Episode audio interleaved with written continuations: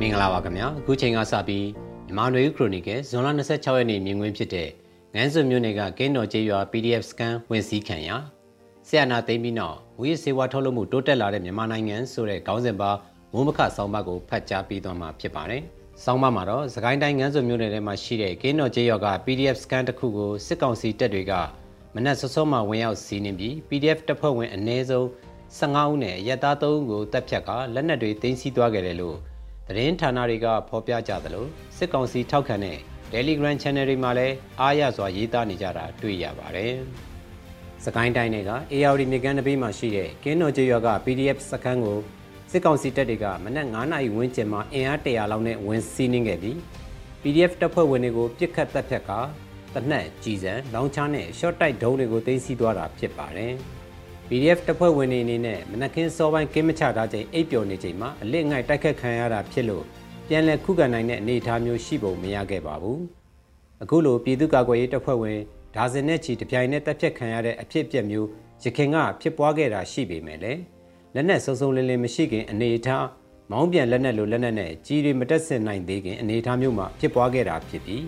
အခုအဖြစ်အပျက်ကတော့လက်နက်နဲ့ကြီးစံတွေရှိပေမဲ့ကင်းချမထားမိတဲ့အနေအထားမှာ ရန်သူရဲ့အလစ်ငိုက်တိုက်ခတ်မှုကိုခံလိုက်ရတဲ့သဘောဖြစ်ပါတယ်။ကင်းတော်ကျေးရွာက PDF စကန်ကိုစီးနှင်းတိုက်ခတ်ပြီးနောက်မှာစစ်ကောင်စီတပ်တွေအနေနဲ့လက်နက်တွေသိမ်းယူသွားခဲ့ပြီးစစ်ကောင်စီ Telegram တွေက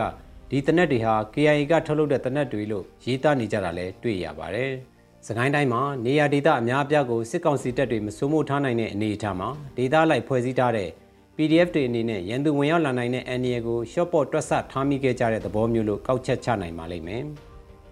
ကင်းတော်ကျေးရွာကစကန်းဝင်စည်းရုံတွေမကဘဲအနီးတစ်ဝိုက်ကကျေးရွာတွေကိုပါအင်အားတရာဝန်းကျင်ရှိတဲ့စစ်ကောင်စီစစ်ကြောင်းကဝင်ရောက်ဖမ်းဆီးတာနေအိမ်တွေမီးရှို့တာလှုပ်ဆောင်ခဲ့ကြတယ်လို့သတင်းတွေထဲဖော်ပြထားကြပါတယ်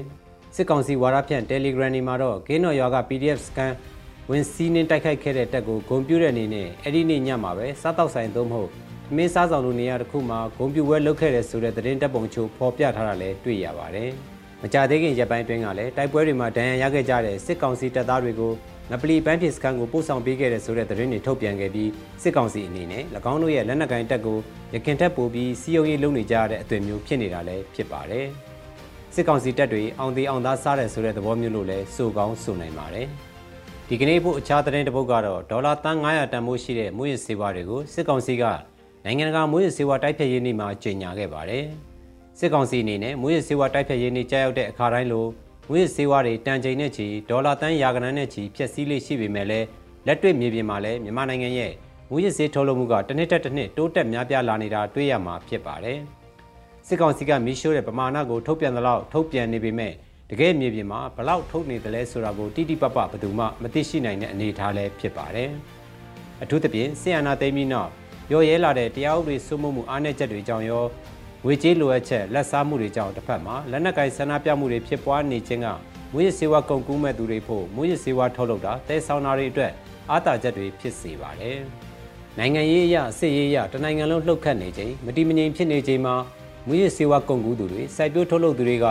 ဈေးကွက်ကဝယ်လိုအားရှိသလောက်၎င်းတို့အနေနဲ့ပုံမထုတ်လုပ်ကြပြီးပြည်တွင်းကိုဖျက်တဲ့ဆောင်ကနိုင်ငံတကာဒုစရိုက်ကိုင်းတွေနဲ့ချိတ်ဆက်ပို့ဆောင်နေကြတာလည်းဖြစ်ပါတယ်။ပြီးခဲ့တဲ့နှစ်နှစ်ကျော်အတွင်းမြန်မာနိုင်ငံကထုတ်လုပ်ဖြန့်ချီတဲ့ မွေးစေဝါပမာဏတွေတိုးတက်လာတာဖြစ်ပြီးလက်နက်ကင်ပရိပခကိုအမျက်ထုတ်ပြီးစံကြေးတင်ထုတ်လုပ်နေကြတာလည်းဖြစ်ပါတယ်လို့ရေးသားထားပါတယ်ခင်ဗျာ။